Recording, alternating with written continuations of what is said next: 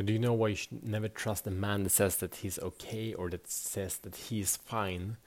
And uh, do you know why you're feeling so lost in looking for direction? So, this is the nice guy week, and we're gonna dive deep into uncover your pains as a nice guy and actions you can take to take you out of that shithole and live a better life. So, welcome to Show the Fuck Up Minute. My name is Matt Fyron, and this show is for men that are ready to free themselves from the prison of playing small, being nice guys.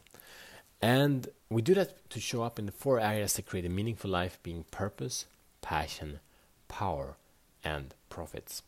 So, what is the issue? Me- uh, nice guys are designed to check in on the, their environment.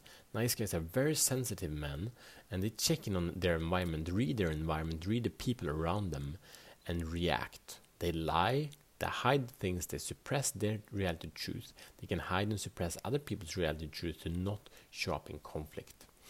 And so, so nice guys live life without conflict, without kind of these kind of stressors because they're just making everything really soft.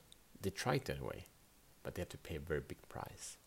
So they're aware of what's going on around them. However, they do not connect to who they are. They react. They think, how can I help this person? They're, they're supporters. They help others. They're caretakers. How can I support this person to be or feel better? And this is completely disconnected with who they are what their needs are. They nice guys go into red alert when they sense that something in their environment is not harmonious.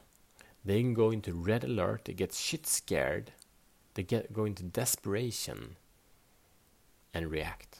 And from that space, nothing good can happen. Whatever was, you know, started with fear and was acted upon from fear will always have that sense of fear within, instead of love, instead of allowance, right? So, what is the solution? The solution is to go from being reactives to being creators. And these are completely two different energies. So the nice guy only know the reactive energy. Sometimes he can tap into the creative energy. But the creative energy is the energy of the mature king and not the weakling, right? And it's the energy of, of the, the accomplished lover and not the addictive lover. And so on. So the creator has the same shit can go on in the creator's life as it can do in the in the nice guys in the reactive guy's life. But here's the thing when the creator notices that something, there is some tension, there are some imbalances, there someone is as upset, the creator can check and like, here I observe something. This is not part of me. This does not make me who I am, right? I can observe this from an external point of view, and from this stimuli, I respond. The stimuli is the event happening, maybe your partner or or your boss being in the mood, right? So you don't need to react and trying to fix their problem. You can observe and you can respond taking strategic action.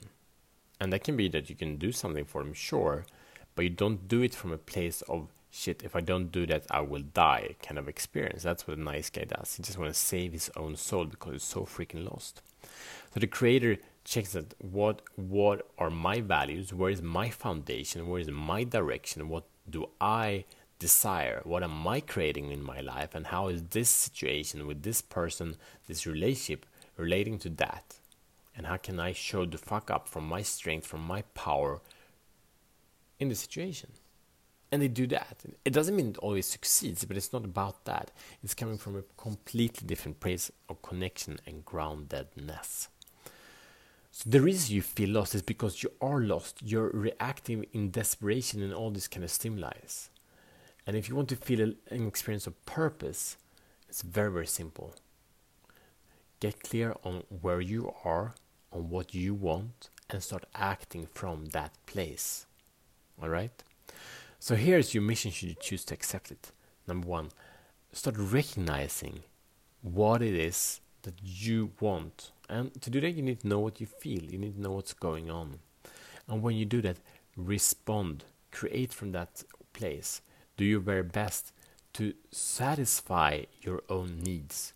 And when you do this, you will get an immense sense of purpose and alignment. This is not necessarily the ultimate purpose and alignment, but it's a huge stepping stone that's worth to celebrate. So action is to recognize where you are, what's going on physically, emotionally, spiritually, and mentally, and then you respond. You create from that. You don't react in in in in, in desperation. So tool, you know, that I invite you to is the free Life Master Planner. Show the fuck up Life Master Planner. And why? The first every day in the morning, what we do there is that we do the create page. So that's a page that's designed to create, and that's uh, in that one part is super powerful. One of my favorite part is to write down what are the threats, and the threats is definitely things that usually make put you into reactive mode. So it can be people, it can be um, stimuli situations that usually make you put you into reactive mode. And next to that box, they will point out the threats that could mess up your day to become the creator, to be the nice guy, the reactor. Then you have your tools of power, and the tools of power meaning what are the tools that I can use to attack or to use to never go into the pain and pay the cost of this threat. So this is a super powerful nice guy tool. It's a free download, it's a gift from me to you. It's two pages. You fill one page in the morning, one page in the evening. It takes about 15 minutes.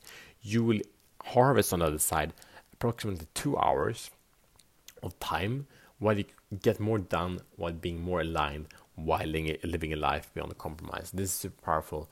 So check the show notes for the download link, and I see you tomorrow as better men.